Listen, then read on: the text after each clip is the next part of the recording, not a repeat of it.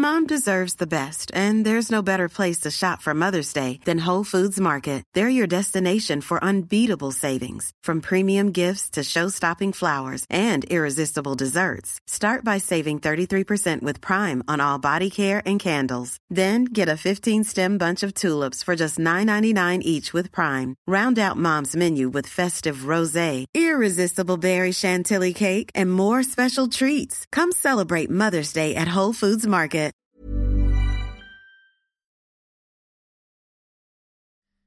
Nå, jeg er alene her i, i studiet. Jakob har vildt travlt med vores øh, program til folkemødet, som løber af stablen om, om 14 dage fra den, fra den 16. til den 19. juni.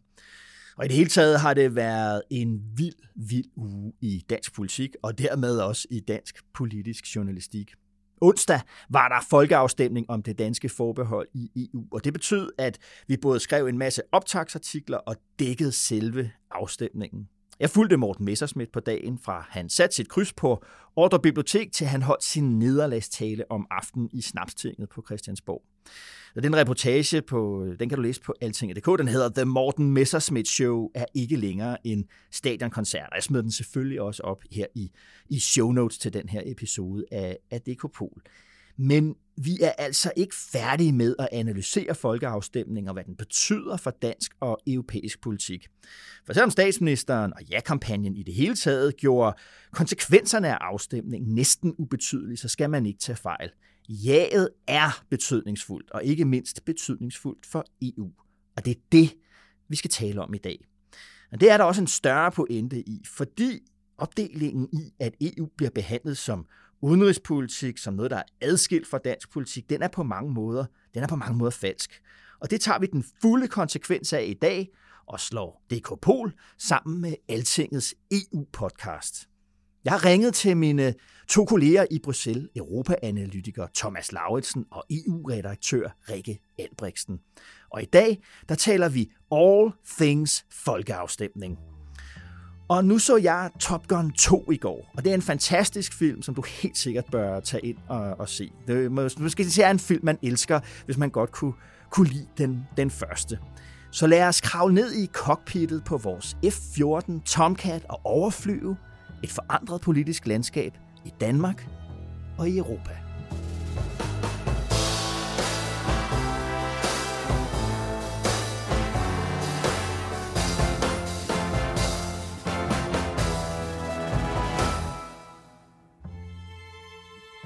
Thomas og Rikke, er I der? Prøv at høre. Der er en Twitter-account, jeg følger, som øh, hver onsdag, uge efter uge, måned efter måned, poster det samme tweet, nemlig et, øh, et billede fra, fra Tintin og krabben med det gyldne klør, hvor kaptajn Haddock han sidder ved et bord og ser helt forstemt og træt ud, og så siger han til Tintin, What a week! Og så svarer Tintin ham, But Captain, it's only Wednesday. It's only Wednesday. Og sådan har jeg også øh, haft det den her uge øh, klokken 4. Hvordan tror du så, vi har det, Esben, hernede? klokken 4 natten mellem øh, onsdag og torsdag, der afleverede jeg min artikel og tænkte oven på folkeafstemningen, der tænkte, ej, nu må det altså snart være, være weekend. Hvad med jer nede i Bruxelles? Har det været en travl uge?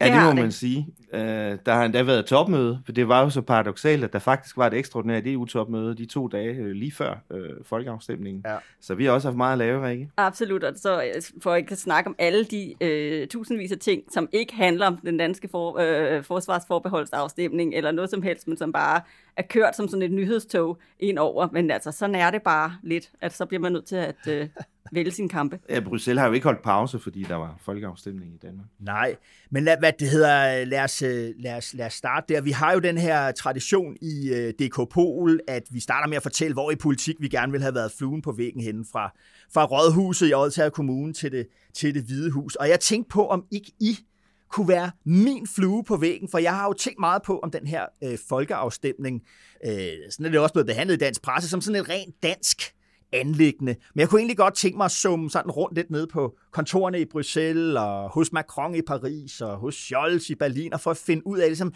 hvad har det her ja, og det, at det blev så massivt, egentlig betydet dernede, hvor I er i Bruxelles og i, i en større europæisk øh, kontekst. Betød det i det hele taget noget for nogle andre end os selv? Thomas og Rikke, hvad siger I? Jamen altså, der lød et øh, kollektivt lettelsens øh, suk øh, på tværs af Europa, det er helt sikkert. Det kan godt være, at det ikke var det vigtigste emne for dem, men det var, det havde været noget rod, hvis vi havde stemt ej. Det havde ikke hjulpet den her fortælling om, at vi står samlet, og det sker jo altså også i en uge, hvor EU virkelig har kæmpet for at vise det der sammenhold, vi snakker om, fordi den ungarske premierminister Viktor Orbán har blokeret for sanktioner i næsten en måned og øh, krævet nærmest altså afpresningsagtige øh, så, øh, ting igen for at, øh, for at få det her i hus. Og så havde man lidt brug for, at der måske også kom nogen, der sendte et signal den anden vej om, at øh, vi faktisk står sammen. Altså, nu siger du godt en kollektiv lettelsens suk på tværs af Europa, Rikke. Det siger jeg lidt flot. Altså, det er jo ikke, du mener jo ikke, at folk på gaderne i nej, Paris... Nej, nu snakker og, vi om regeringskontorerne, og, og, og Berlin og Bruxelles ligesom er jublet, da de... Altså, det betyder jo ikke, fylder jo ikke noget i andre landes debatter på den måde, men der, hvor det fylder noget, det er i EU-institutionerne, ikke? Mm. Øh, men og i regeringskorridorerne. ja, også i, ude i landene. Det, fordi det har vi, jeg i hvert fald det har vi helt klart haft, kunnet høre. den ja. der fornemmelse af, når jeg ja. snakkede med folk fra forskellige lande, så har de sagt, ja, det her er vigtigt, også fordi at det taler sig ind i den her større fortælling om, at, øh, at hele Norden er i gang med øh, deres eget lille sejtenvente, når det handler om, om forsvarspolitik. Og det kommer vi jo helt sikkert også tilbage til, fordi det er jo altså en rød tråd i den her diskussion. Ja. Øh, så så det, det har været vigtigt. Der har siddet nogle mennesker i EU-kommissionen og i EU's militærstab og sådan nogle steder, øh, og, og virkelig været spændt på det danske resultat hvad det hedder, øh, det vi lagde mærke til herhjemme, det var jo, at, at først Emmanuel Macron, den, den franske præsident, og så bagefter Ursula von der Leyen, de tweetede begge to på aften, da resultatet øh, ligger fast og ønsker tillykke, og, og hashtag stronger together, og ja. hvad er det, Macron, Macron han skriver, han skriver det samme, ikke? at vi er, vi er stærkere, når vi er, når vi er forsamlet, ikke? når vi står sammen. Hvad, er det bare sådan øh, for show, eller er det, er det også reel politik? Altså, jeg, jeg tror, hvis jeg skal starte, jeg, jeg tror, at det rent faktisk betyder noget, fordi det passer ind i for eksempel Macrons fortælling om, hvad han gerne vil have, der sker med Europa lige nu. Han vil gerne have en fortælling om, at oven på Brexit og oven på konflikterne med Trump, og nu på den anden side af pandemien, rejser EU sig af asken og viser, hvad vi kan. Ikke? Ja. Og krigen, øh, Putins krig, har skabt et pres, der, der får os til at stå endnu mere sammen. Ikke? Og der passer det, mhm. danskerne har stemt lige nu, perfekt ind i hans øh, historie om, hvad der er, der er ved at ske med, med Europa nu. Ikke? Så på den mhm. måde øh, betyder det noget, tænker jeg. Og, og, også, og hvad tænker du, Rikke? Ja, men altså, der, det, det, der var, var interessant, var også, altså, der, der, der, var, der var nogen, der var ligesom kisteglade. Det var netop folk, der sidder og arbejder med forsvarspolitik, fordi mm-hmm. at de, øh, altså, de kan virkelig se nogle, øh, nogle fordele, både ved, at unionen står samlet, alle 27, øh, og der ikke øh, længere er, altså ikke længere sådan hele tiden skal regne en fra i ligningen, for det er sådan lidt bøvlet, øh, øh, men, men også at, øh, at de faktisk mener, at øh, Danmark har noget at bidrage med. Ja. Mm-hmm. Det vender vi uh, tilbage til. Det jeg også tænkte på, det, det var jo, at, at altså, sidste gang, der var nogen, der stemte om EU, der var det britterne, der stemte sig ud ja. af EU, og det har jo ligesom lagt til hele den der diskussion, som har været der lige siden unionen blev, blev gennemført det, eller stemt ind i 92. Øh, det der med det demokratiske underskud, altså at det er svært at få folkelig opbakning til, til projektet. Og der kan man sige, at Brexit var, uanset øh, diskussioner i øvrigt, jo også sådan, det var jo en bejmand til EU, at, at lige pludselig var der nogen, der sagde, at de ikke ville være, være med mere. Mm. Er det også som i den sammenhæng, at man kan se, okay, nu får man faktisk øh, noget legitimitet for det der skeptikerlandet Danmark, og så er det oven i købet øh, to tredjedel flertal i, øh, i, i, i folkeafstemningen det er godt for EU's brand. Ja, ja det, det er det helt sikkert, men det, det, det viser jo altså også noget om, hvad Brexit gjorde ved unionen, fordi at øh, det på en eller anden måde så stålsatte det jo også resten af klubben. Det fik dem til at faktisk kigge lidt indad og sige, jamen hvad er det egentlig ja. for et fællesskab, øh, vi har? Hvad gør det godt for? Vil vi være med i det? Og der blev resultatet jo altså, at ja, det vil man godt. Man har jo faktisk set en fremgang til støtten til, til EU-samarbejdet i, i rigtig, rigtig mange lande, inklusiv Danmark, siden Brexit. Fordi mm. det også ligesom var på en eller anden måde, også i et svært år, hvor man også fik Trump ind i det hvide hus og så videre. Øh, og, og generelt jo fordi, at, at man har en verdenssituation, som har været øh, ustabil og så videre, altså har det set, været set som en lidt tryg havn. Jeg tror, du har ret i, Esben, øh, det der med, at, at øh, at det betyder noget i forhold til Brexit. Også fordi, altså når jeg talte med Nigel Farage og sådan nogle øh, EU-modstandere i Storbritannien i, i de senere år, så har de jo været vildt forelskede i Danmark og, og i det danske Maastricht nej og sådan noget. Der har været en stærk symbolik i det. Og, og, og Nigel Farage sagde, at næste, næste land, der forlader EU, det bliver Danmark. Ikke? Øh, og så kommer jo, de, så falder de som dominobrikker. Kan du huske, han sagde det? Øh, og, ja, ja, ja. og her, altså nu har danskerne, øh, kan man sige, det er i hvert fald en måde at læse det her på, så bevist, at det gør vi ikke.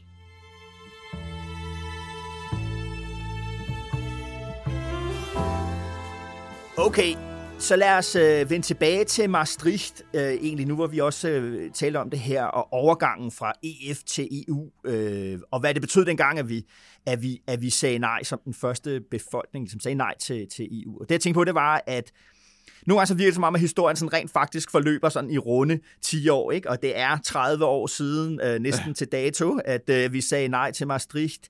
Øh, og jeg synes, det er interessant at vende tilbage til, du ved, hvorfor EF overhovedet blev til EU, ikke? fordi vi havde Muren falder i 89, og Sovjetunionen bryder sammen i, i, i 91 ret hurtigt, og også overraskende hurtigt, så går Tyskland allerede i, øh, i november 89, altså lige efter muren er faldet, i gang med genforeningen, og mindre end et år efter, så er Tyskland faktisk blevet til et land, og som vi, som vi kender det med de grænser, vi kender med i, i dag. Og dengang der stod Europa jo ligesom over for det, helt, det der helt gamle dilemma, Tyskland for stort til Europa, for lille til verden, eller som øh, Thomas Mann også sagde, det der dilemmaet mellem det tyske Europa og det europæiske Tyskland.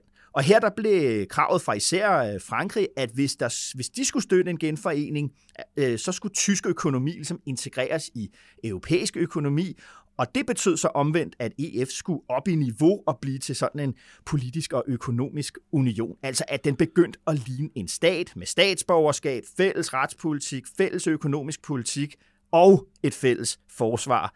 Og det var jo alt det, vi sagde nej til i 92. Øh, og lige i i forhold til, til det med det fælles forsvar, der vil så ophævet her nu. Men det har jo også betydet, at vi skal konfrontere det her spørgsmål, som vi diskuterede rigtig meget i 92. En EU her, Vestunion, hvad skulle der, hvad skulle der ske? Øh, og prøv lige at høre med her, hvad øh, Mette Frederiksen sagde efter det EU-topmøde, I, I lige har talt om. Det er jo gået igen i den her diskussion, om der skal være en EU her, og der er ikke noget ønske om en EU her. Det bliver ikke bragt op fra nogen lande. Tværtimod har kommissionen så sent som da vi mødtes i Esbjerg gjort det klart, at der kommer heller ikke en EU her. Det er ikke alene mig, der siger, at der ikke kommer en EU her. Altså, der er ingen ønske om en EU her. Det indgår simpelthen ikke i, øh, i diskussionen. Rikke, det her begreb EU her, det har jo spillet en rolle den her gang også. Var der en? Skulle der komme en? Vil vi være med i en? Kunne danske Jenser og Lotter blive sendt til Mali og andre steder, uden at vi havde sagt ja til det? Hvad handler den diskussion om? Det er øh, jo det, som øh, forskere beskriver som skræmmebillede nummer et i den danske EU-debat, og har været det faktisk også længe inden 92, altså helt tilbage, da vi gik ind i, i, i, i det, der var EF tilbage i, i 1972, øh, og stemte om det der, ikke, og kom ind året efter. Og der, øh, det bygger jo i sig selv på, at vi tilbage i 50'erne, i de seks lande, der senere grundlagde EU, jo havde øh, meget fremskredne diskussioner om det, som hed det europæiske øh, forsvarsfællesskab, som jo netop skulle have en EU her, og det var hele pointen, fordi at det var en måde at hegne vesttysk militær magt ind ved at sætte dem under nogle andres kommando, så at de ikke kunne ja. lave en gentagelse af, hvad vi havde set. Derfra så fik man så, så havde man sådan ligesom en forståelse af, at det var EU-hæren, ikke? Det var den, øh, det var den, man snakkede om. Det var bare det, at det aldrig blev til noget. At det, at det mm. strandede jo der i 50'erne, og så øh, lavede man så noget helt andet, som var øh, det her handelsorienterede fællesskab.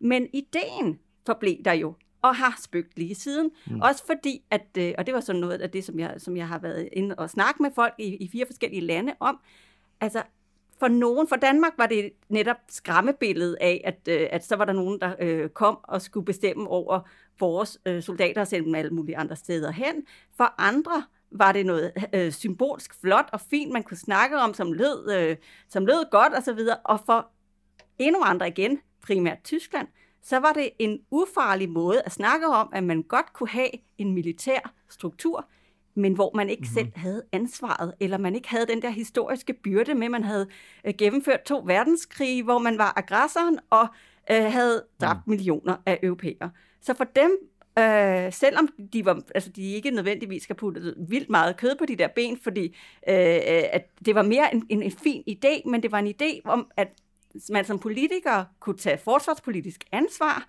men uden at sige, at det var dem, der skulle ud og være i krig.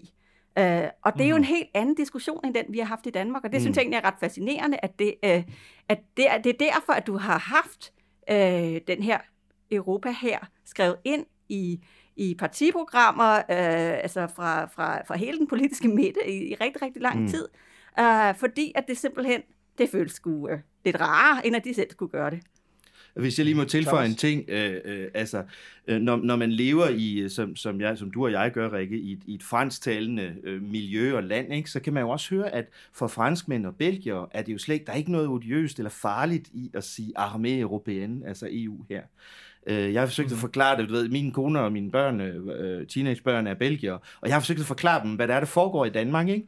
Og, og hver eneste gang, jo. jeg er færdig med forklaringen, så siger de, okay, så nu kommer I med i EU-herren. Nej, forfra. Nej. ikke Nej, ikke nogen EU her. Og så er de bare sådan, hvad der var, hvorfor må vi ikke se EU her? Jamen, det er ikke en EU her. Men altså, det, det betyder ikke noget at sige det. Uh, det. Det er bare et begreb, uh, ligesom at sige EU-forsvar eller et eller andet, eller militær. Ikke? Ja.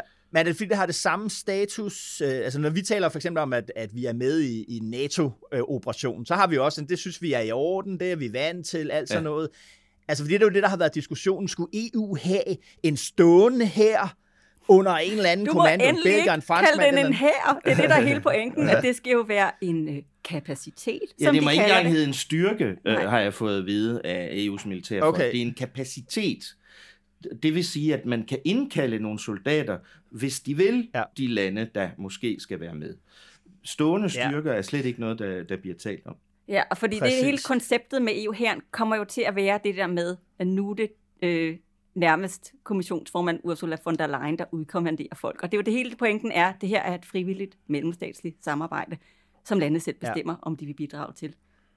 Mm-hmm. Men hvad er det så, altså, hvad er det så, vi har sagt ja til? Altså, hvad sker der nu?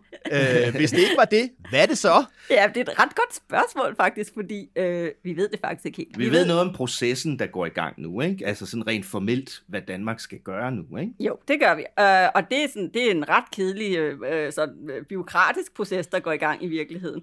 Øh, men det overordnede, det ved vi faktisk ikke, fordi hele det der med, hvad betyder det, at vi, øh, at vi er med i den fælles forsvarspolitik?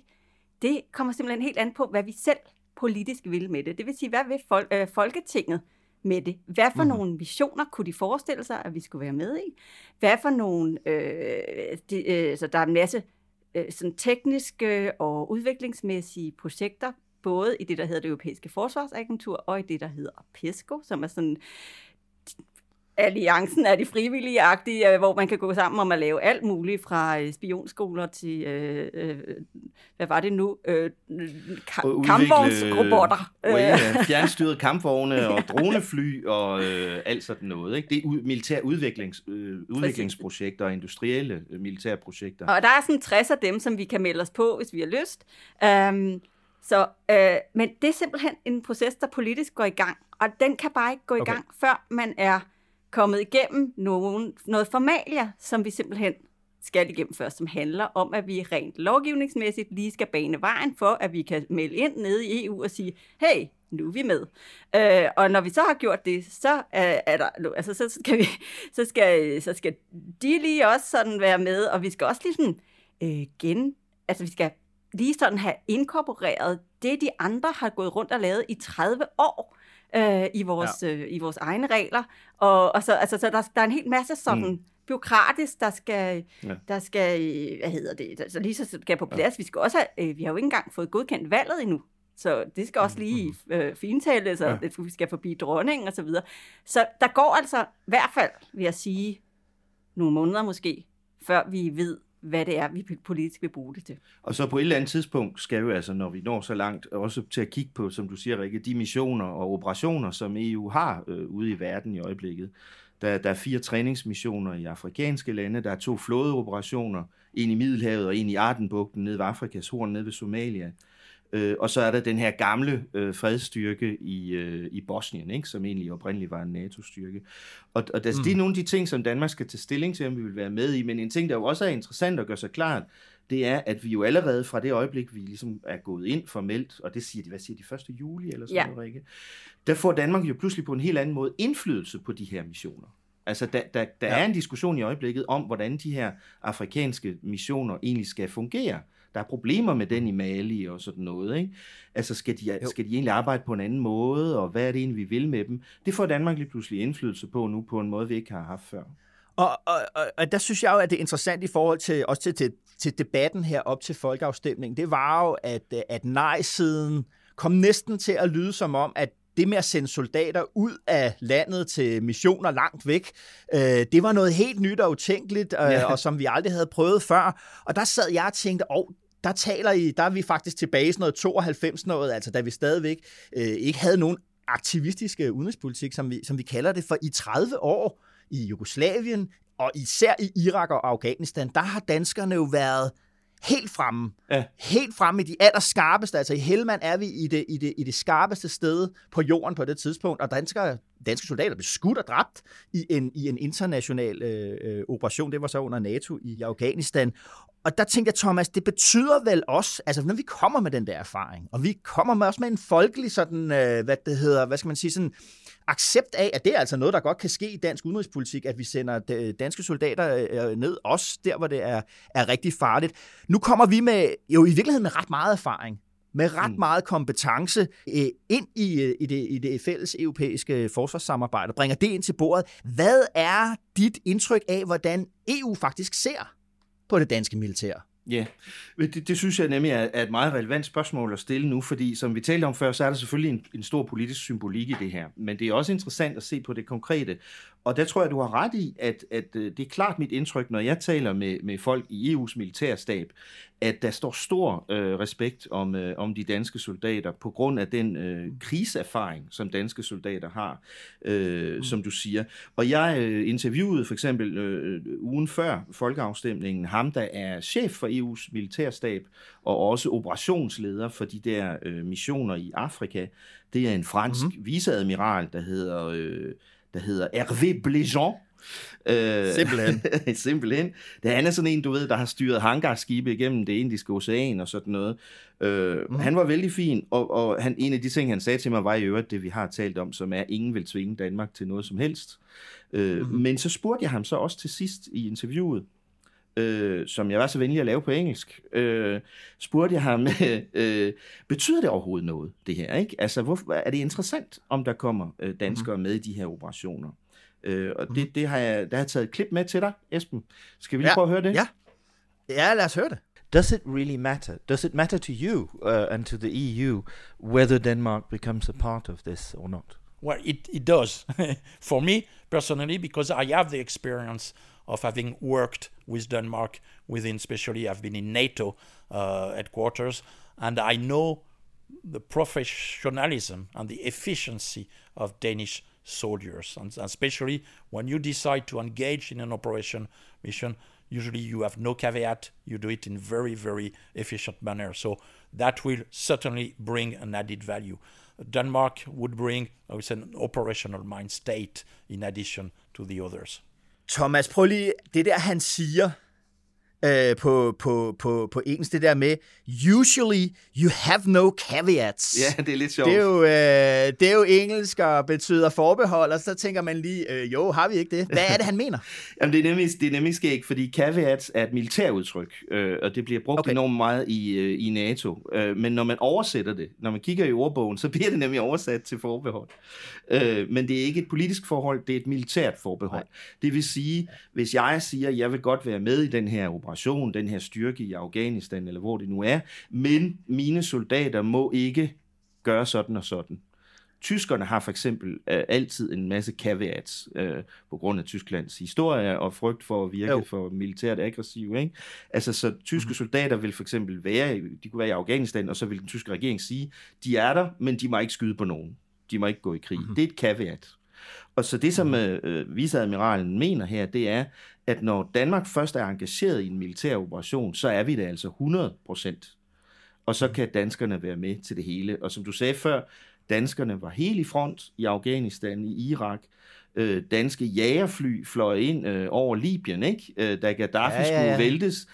Det var, det var Frankrig, Storbritannien og Danmark Ikke? Mm-hmm. Altså, så jo. selvom Danmark er et lille land, og vi selvfølgelig ikke har et enormt militær og sådan noget, så er vi i de seneste årtier blevet kendt som et af de europæiske lande, der, der er mest aktive i militære operationer. Mm.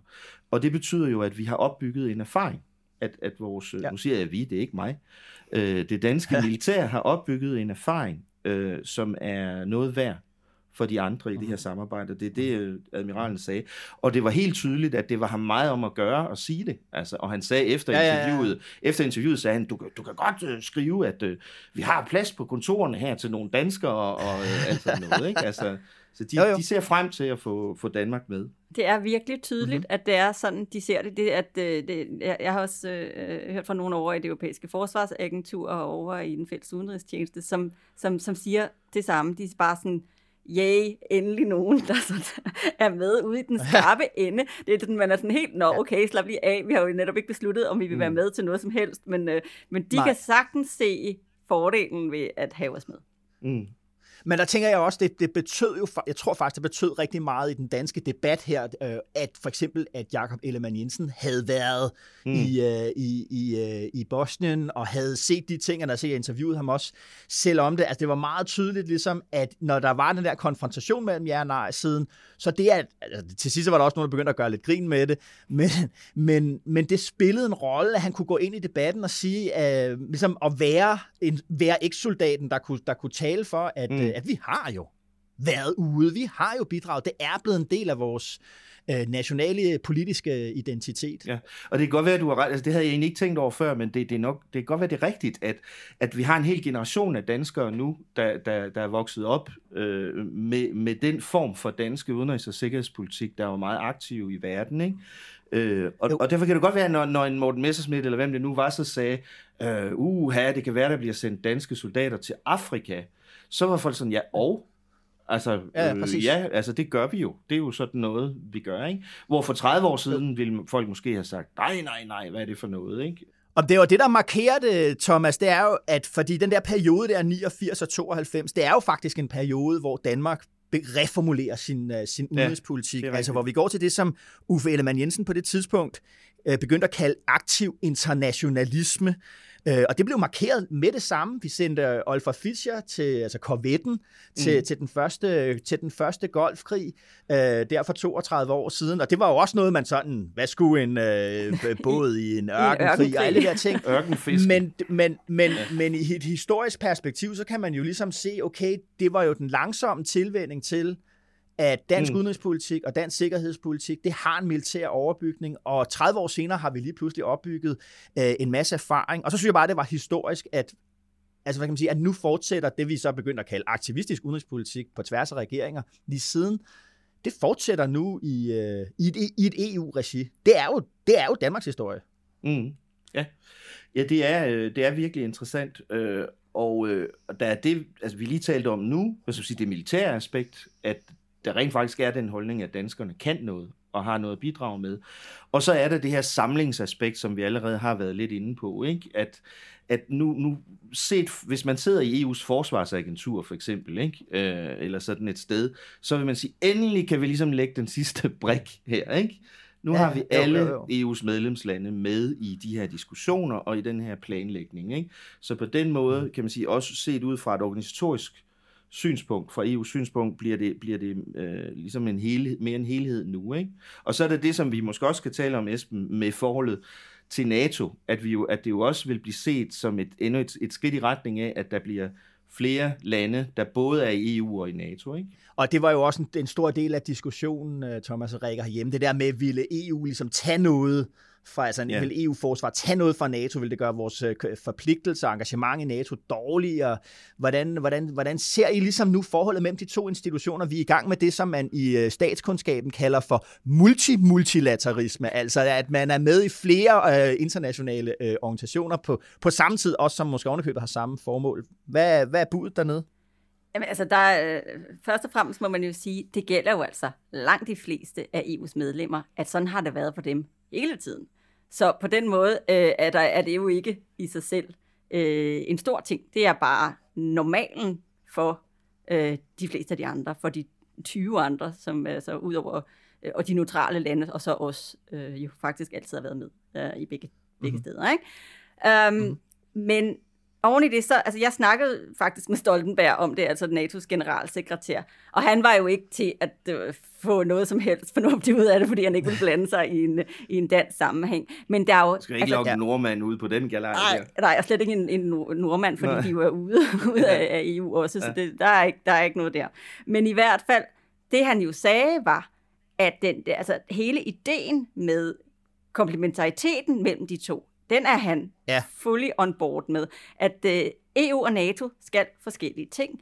De har jo også, de har identificeret 72 samarbejdsområder mellem de to, hvor man sådan, altså aktivt har været inde og definere, okay, så gør I det, og så gør vi det, og, øhm, altså, øh, og de er i gang med at lave sådan et, øh, deres eget sådan fælles papir om, jamen, hvor de skriver ned, hvad er det så præcis, vi vil sammen, så, og der har aldrig været tættere kontakt mellem de to mm. organisationer. Så på den måde, så er det, altså, så er det jo en anerkendelse af, EU bliver aldrig en forsvarsalliance. EU's forsvarspolitik handler ikke om forsvaret af Europa selv, mm. i hvert fald territorialforsvaret. Det står i øvrigt i traktaten. Præcis. Mm. Så det er, og, det er, og traktaten tager faktisk højde for, at der er det her samkvem mellem de to, og at der ikke skal være et øh, u, altså uhensigtsmæssigt overlap. Så, så på den måde, så er det i hvert fald en, en ting, som der, bliver, som der allerede er i spil. Ikke? Mm. EU-tropper må ikke blive brugt på, inden for EU's eget territorium. Så, så det ja. kan ikke lade sig gøre at sende en, en EU-styrke ud i Østeuropa øh, for ligesom at stå klar, hvis nu russerne kommer. Det er NATO, der gør mm. det nu. Ikke? Og det var derfor, det var så sjovt, når man så havde den der debat i, øh, i den danske øh, forsvarsforbeholdsdebat om, nå, men altså helt ærligt, hvorfor skulle vi det? For det var NATO, der skulle det. Ja, det står sådan set i traktaterne, mm. så det er hele pointen. Mm.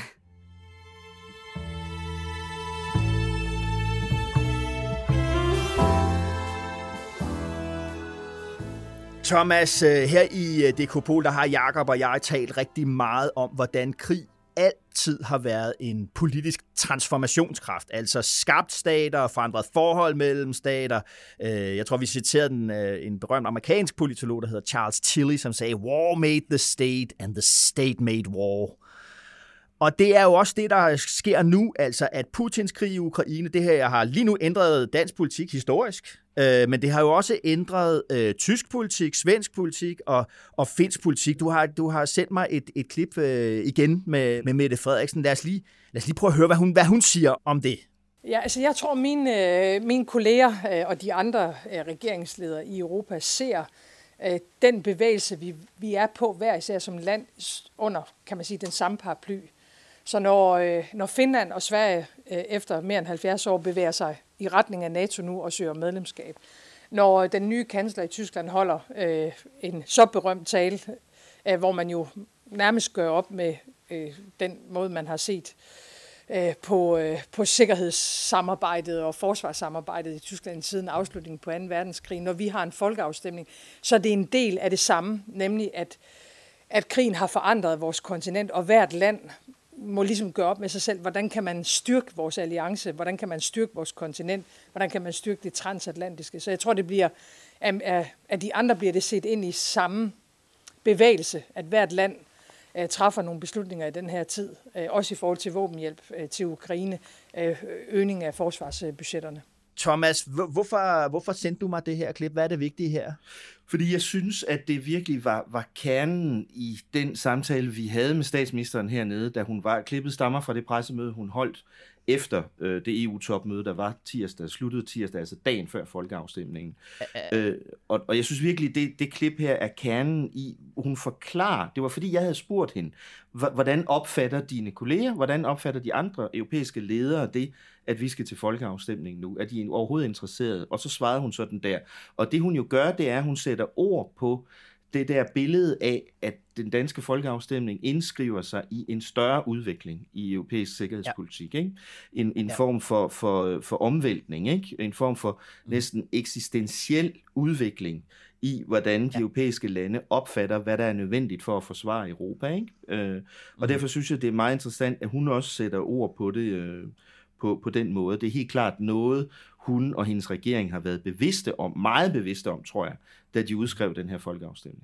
Jamen, vi stod også, Rikke, det ved jeg ikke, hvordan, om, hvordan du kan sige noget om, hvordan øh, EU-systemet tog det der ned, men lige, der, lige, lige efter krigen, der står Scholz i den der meget, meget, meget berømte tale inde i Bundestag, og ligesom siger, ja. okay, nu smider vi hele historien øh, ud af historiens skygge og ud af alle vores forbehold, og nu investerer tyskerne hundredvis af milliarder af euro i at opruste. Altså, hvordan spillede det ligesom ind i, øh, ned i, den, i diskussionen i Bruxelles? Men det har helt sikkert en betydning, men det har også en, også en, en, en der rækker langt ud over, over Danmark. Altså, jeg talte med øh, Europaparlamentets formand her øh, torsdag, nu er ugen er ja. så lang, at jeg nærmest heller ikke kan finde ud af det længere. Men... Hedder. Præcis. Thank God it is actually Friday today, ja. i dag. Men øhm, i hvert fald, og hun, hun, hun talte om, hvordan, altså både altså der var jo jubel, og, og, og det var, det var hun synes hun, jeg var øh, super dejligt. Uh, hun synes også, vi skulle tage fat i de andre forbehold, men det er så en helt anden historie.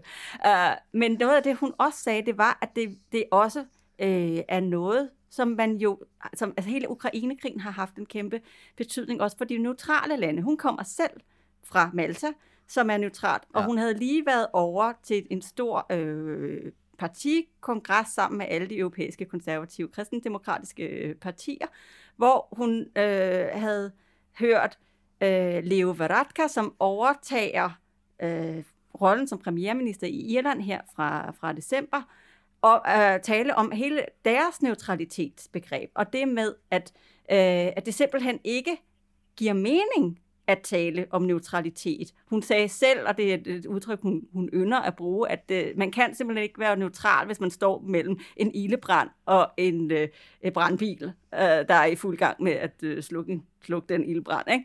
Og, øh, mm. og det gør jo, at der kommer til at være en diskussion. Der er jo altså seks lande i øh, i EU i dag, som er det, man kalder for øh, alliancefri, øh, som jo er Sverige og Finland, som allerede har truffet en beslutning om, at det skal de ikke være mere. Men så har du også Østrig, Irland, Kypern og Malta, som selv skal til at drible lidt rundt med de her forskellige begreber. Er der en, er, kommer der en debat i Irland om, om det også? Jamen, jamen det gør der nemlig, og det, det, det sagde Varadkar jo sig selv, at, øh, at, at det kom der i hvert fald helt sikkert. Det er jo super interessant. Ja, og det som også er, er interessant, er, at hun netop som malteser siger, at hele grunden til, at de har det her neutralitetsbegreb selv, det, altså det stammer tilbage fra 80'erne om, at de har de positionerede sig med vilje mellem altså de to store magter. Men, det, men man kan ikke længere snakke om to store magter på den måde, man gjorde i 80'erne. Uh, så derfor så, så ligger den her, altså det, det, det rykker ved hele måden, alle lande i Europa ser på, på sig selv og deres sikkerhed. Du lytter til DK Pol. Mit navn er Esben Schøring, og jeg er politisk redaktør her på Altinget. Og hver fredag sender jeg dig på weekend med det, du skal have med i din analyse af dansk politik. Gå ind der, hvor du hører din podcast, og abonner på hashtag DKPol. Lad os vende tilbage lige kort her mod slutningen til, til dansk politik og hvad den har betydet her. Øh, altså ingen tvivl om, at for eksempel øh, Jakob Ellemann Jensen har fået rigtig, rigtig meget ud af det. Han har fået tre måneder for ærende, hvor han har kunnet møde vælgerne på en platform, der bare helt åbenlyst øh, betyder rigtig, rigtig meget for ham personligt, både i kraft af hans eget liv, men selvfølgelig også fordi, at hans, det var hans far, der skulle forhandle de her forbehold mm. øh, hjem tilbage i, øh, i, i, i 91-92 øh, meget jo imod sin, øh, sin, øh, sin vilje og sine egen politiske ønsker. De to har jo været på turné sammen, i, øh, ikke mindst i Jylland, og, og overbevist danskerne om, at de skulle stemme, skulle stemme ja. Og så tænker jeg også, ligesom det er også åbenlyst, at Mette Frederiksen her fik skrevet sig ind i historiebøgerne som den første statsminister, der fik fjernet et forbehold. Og jeg mener også klart, at hun er blevet styrket af det øh, indrigspolitisk. Hun har, hun har simpelthen vundet et valg, og jo mere du vinder, jo mere vinder du i, øh, i, i, øh, i politik. Og vi har jo også talt rigtig meget om det der med, hvordan hun var den mest EU-skeptiske statsminister, vi ja. nogensinde havde haft. Og jeg har også selv talt om, og I har måske også øh, drøftet det der med, det så lidt selvmodsigende ud. Hvorfor, hvorfor var det lige pludselig hende, der talte om, at vi skulle ind i, i kernen af, af EU? Men er pointen her også, øh, Thomas Række, at måske har hun netop kunnet gøre det, fordi hun netop ikke ligner en pro-europæisk elitær politiker, eller, eller Margrethe Vestager, der sådan i modstanderøjne kunne blive udlagt som en, der elskede Bruxelles mere end, ja. end Brønderslev. Det har, vel, øh, det har vel været et stærkt kort. Aalborg. Øh, ja, Ja, Aalborg, undskyld. Øh, øh, ja, det tror jeg faktisk. Og, og jeg, det synes jeg også godt, man kunne mærke på Mette Frederiksen, da hun var hernede øh, forleden dag. Øh, jeg tror, det er hendes opfattelse af tingene også. Og jeg er en af dem, der, har, der, har, der sagde, uh, det er da godt nok en, en øh, meget øh, EU-sur og kritisk statsminister, vi har fået der. Ikke? Og der tror jeg, man må jo. give hende nu og sige, ja, men, men nu er det altså lykkedes for den her EU-kritiske statsminister at, øh, at, at trække, rent faktisk øh, trække Danmark øh, længere ind i kernen af EU, helt konkret, øh, ved at vinde den her folkeafstemning så klart. Ikke? Øh, så så det, er da, det, det er rigtigt, at det kan da godt være en lærestreg, man måske også uden for Danmarks grænser kan, kan se i det her. Ikke? At mm-hmm. man kan godt være en leder, der er kritisk, og måske er det endda det, der virker. En leder, der er kritisk over for samarbejdet, og så bagefter siger, men nu trækker jeg i en positiv retning. Mm. Det er det her, jeg vil med, med EU. Ikke? Så det er, det er rigtigt, det er interessant. Men hun har altså Rikke, også, din analyse? ja, altså hun har jo altså også øh, rykket sig, må man jo så Ja. sige. At øh, hun jo også har, og det er i hvert fald udlægningen, når jeg snakker med, med, med, med folk, at hun øh, jo også har på en eller anden måde oplevet øh, funktionen af at have kolleger ude i Europa. Det er også et, sådan et skæbnefællesskab, både fordi, at vi er på det samme kontinent, men også fordi de sidder jo og er de mennesker øh, i det der topmøderum, mm. øh, de eneste, Ja. der ved, hvordan det er at have hele ansvaret. Og det, øh, øh, og det er der en del, som har sagt til mig, at jamen det, det har nok været med til at vise hende, at øh, både, at der er en grund til, at EU nogle gange øh, går lidt langsomt. Også, altså hun er utålmodig, det siger hun også tit, når hun snakker om EU, øh, altså, mm. at, at øj, hvor ville det bare være fedt, hvis det gik lidt hurtigere. Men pludselig så får hun også en forståelse for, de har også en politisk virkelighed. De har også demok- demokratiske forpligtelser over for deres borgere. De kan ikke bare trumle dem og trække en retning, som passer hende. Øh, øh, og jeg tror, den der sådan forståelse mm. også har fået hende til at øh, måske få slippet nogle kanter ind. Og det skal ikke være, at det der, det sker for alle statsministre. Altså, nu, er jeg, nu er jeg jo så frygtelig gammel, Esben, at jeg har været igennem en stribe af dem øh, her i Bruxelles efterhånden. Og, og man Jo. ser det hver gang, ikke? Altså, der, til at begynde med er der en frustration over det her mærkværdige mødekaos, og skal man nu sidde her i timevis og midt om natten, og kommer der overhovedet noget ud af det, og, og jeg har ikke tid til det og sådan noget, ikke? Men efterhånden, mm. som, som det så går op for dem, hvad det kan bruges til, ikke? Og efterhånden, som de får erfaringen, og, og, og bliver lyttet mere og mere til inde ved bordet og sådan noget, ikke? Så, så bliver de altid meget mere interesserede og engagerede i det. Det er meget skægt med Mette Frederiksen, fordi jeg kom til at tænke på nogle af de ting, hun, den udvikling, hun er inde i nu, og den måde, hun er utålmodig på, lyder nogle gange rigtig meget som Anders Fogh Rasmussen. Ja. Som hun jo er blevet sammenlignet med faktisk rigtig mange gange herunder af mig. ja, okay. Men det er jo rigtigt, ikke? Fordi jeg kan da huske, da få, undskyld, da få blev statsminister, sad han jo også på de første topmøder, han var med til, og sagde, åh, ikke? Altså, øh, man kunne godt ønske, at der blev taget nogle beslutninger snart her, og sådan noget, ikke? Og var irriteret.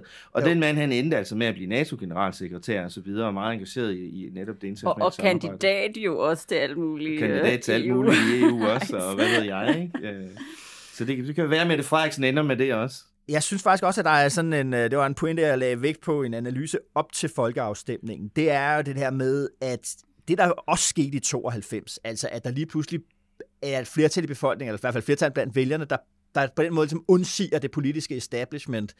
Den der zone der af, at der er en afstand mellem den politiske elite og, og folket, altså det har jo været, det har jo været et skisma, et sammenstød og en modsætning og en, og en, og en zone i politik, vi, vi jo sidenhen er blevet vant til at se i vestlig og europæisk politik igen og igen og igen, og det er derfra, at, at det vi er begyndt at kalde populisme, eller man kunne kalde det det nye højre, det er der, de trækker øh, deres luft i den, der, det der mellemrum imellem folk og elite. Marine Le Pen, eller Salvini, eller Alternative für Deutschland, eller hvad det nu kan være.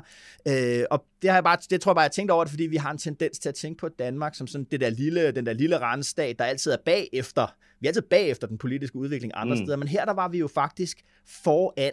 Og det er vi måske så også, når det kommer til det her spørgsmål om, hvordan det politiske establishment så kan reagere på, øh, at det her det er en faktor i dansk politik. Det der med, at I siger det der med, vi taler om det der med Mette Frederiksen som den EU-skeptiske statsminister, der alligevel lykkes med faktisk, så mm. når det gælder at overbevise om, netop måske netop derfor overbevise, øh, øh, hvad det hedder, befolkningen. Og det tror jeg er, er, altså det tror jeg bare bliver en interessant aspekt, fordi man har jo kigget meget på Mette Frederiksen og sagt, okay, hun er faktisk den første socialdemokratiske øh, partileder, der lykkes med at konfrontere det nye højre, eller konfrontere populismen, vinde et valg, øh, blive øh, statsleder, alle de der ting. Og nu har hun sådan på en eller anden måde gjort det igen. Og netop ved, hvad skal man sige, og, og, og, og have ført en, en helt anderledes kampagne, for det bliver vi jo også nødt til at tale om, at den danske kampagne har været meget afdæmpet, og det har været noget, der er kommet bag på nej-siden, at hov, de andre opførte sig ikke, som de plejer at gøre, når vi diskuterer øh, mm. EU det kunne jo også være, at det var noget af det, man sad og kiggede på rundt omkring ja. i EU, når vi diskuterer ja. demokratisk legitimitet. Og det tror jeg måske er en af grundene til, at, at der er så relativt stor en fascination af dansk politik i Frankrig, for eksempel. Øh, at det er der øh, blandt eksperter og politikere i Frankrig. Og igen, Danmark er et lille land, nu skal vi ikke overgøre vigtigheden af Danmark, men der er en fascination af det her lille laboratorium mod nord, ikke? Hvor, der, hvor der sker nogle ting. Øh, og og, og øh, det er også en af grundene til, tror jeg, at der er den her fascination af, af, af den danske tv-serie Borgen, ikke? den nye sæson Borgen, som de kalder den i Frankrig. Altså hver gang jeg taler med en eller anden øh, mega klog politolog fra et fransk universitet, så det eneste, de vil snakke om, det er Borgen og sådan noget. Ikke? De er meget fascineret af Danmark øh, og af dansk politik, fordi de ser det som, som den her, også den her øh, kanariefugl i minen, ikke? Altså, her ser mm. vi nogle af de første signaler nogle gange på nye udviklinger. Macron, som vi har nævnt, er interesseret, men jo også den anden lejr under den, dan- den ja, ja. franske præsidentvalgkamp, som Rikke og jeg var dernede og dække. Ikke? Altså Marine Le Pens folk er meget nysgerrige efter, hvad der sker i dansk mm-hmm. politik også, for eksempel. Men vi skal også bare huske på, at det her handler om forsvarsforbeholdet, som er mellemstatsligt. Vi har stadigvæk hånden på håndbremsen. Vi er mhm. ikke over i, at Mette Frederiksen har lavet en kæmpe omvending, og nu siger, ja, så skal vi da også øh, afskaffe de andre forbehold, så skal vi da bare øh, give den fuld gas. Hun øh, er overhovedet ikke der, hvor hun synes, at det er en god idé. Og det synes jeg bare er vigtigt at, øh, at tage med, at det her, det her unikt specifikt om forsvarsforbeholdet i en situation, hvor vi har øh, øh, en krig på Europas jord. Så det vil sige, mhm. at vi kan ikke indskrive hende i en eller anden fuld omvending. Det er slet, slet ikke det, der er tale om. Hun har også stadigvæk en sund kritisk øh, EU-sans, og som slet ikke, øh, så slet ikke er blevet pillet ved, selvom hun måske nu godt kan se nogle, øh, nogle andre finder ved projektet end før. Rikke og Thomas, I aner ikke, hvor heldige vi er her i København. Os her på Altinget, og vores læsere og lyttere at have jer nede i Bruxelles. Jeres dækning er uovertruffen og fantastisk. Kan I have en rigtig god weekend. Mange tak, Jesper. I lige måde. Ja, så kom vi til vejs ende, og som det er tradition tro i DK Pol, så skal du ikke snydes for en, en anbefaling, som du kan bruge weekenden og, og den forlængede pinseweekend her øh, på. Det er en, øh, en, en ret fantastisk bog, synes jeg, af en øh, britisk forfatter, der hedder Simon Reed Henry. Han øh, skrev for et par år siden en bog, der hedder Empire of Democracy, The Remaking of the West Since the Cold War, fra 1971 til 2000.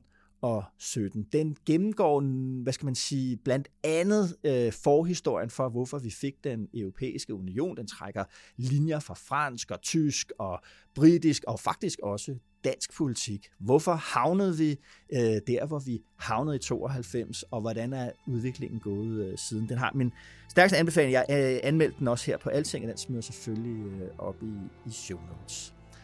Og ligesom jeg ønskede Thomas og Rikke nede i Bruxelles god weekend, så ønsker jeg også dig den bedste weekend. Mit navn er Esben Schøring. God pinse og god vind.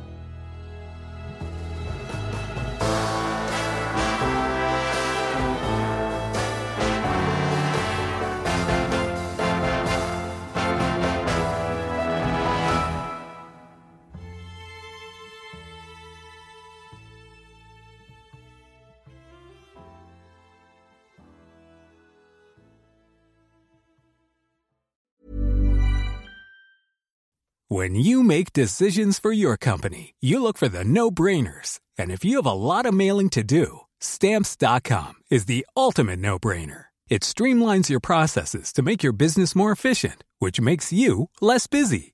Mail checks, invoices, legal documents, and everything you need to keep your business running with Stamps.com.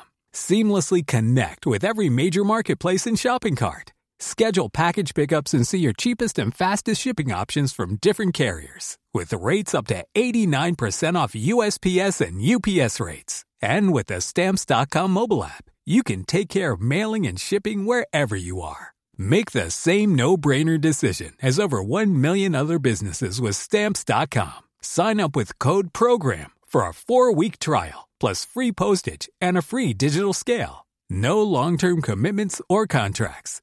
That's Stamps.com. Code PROGRAM.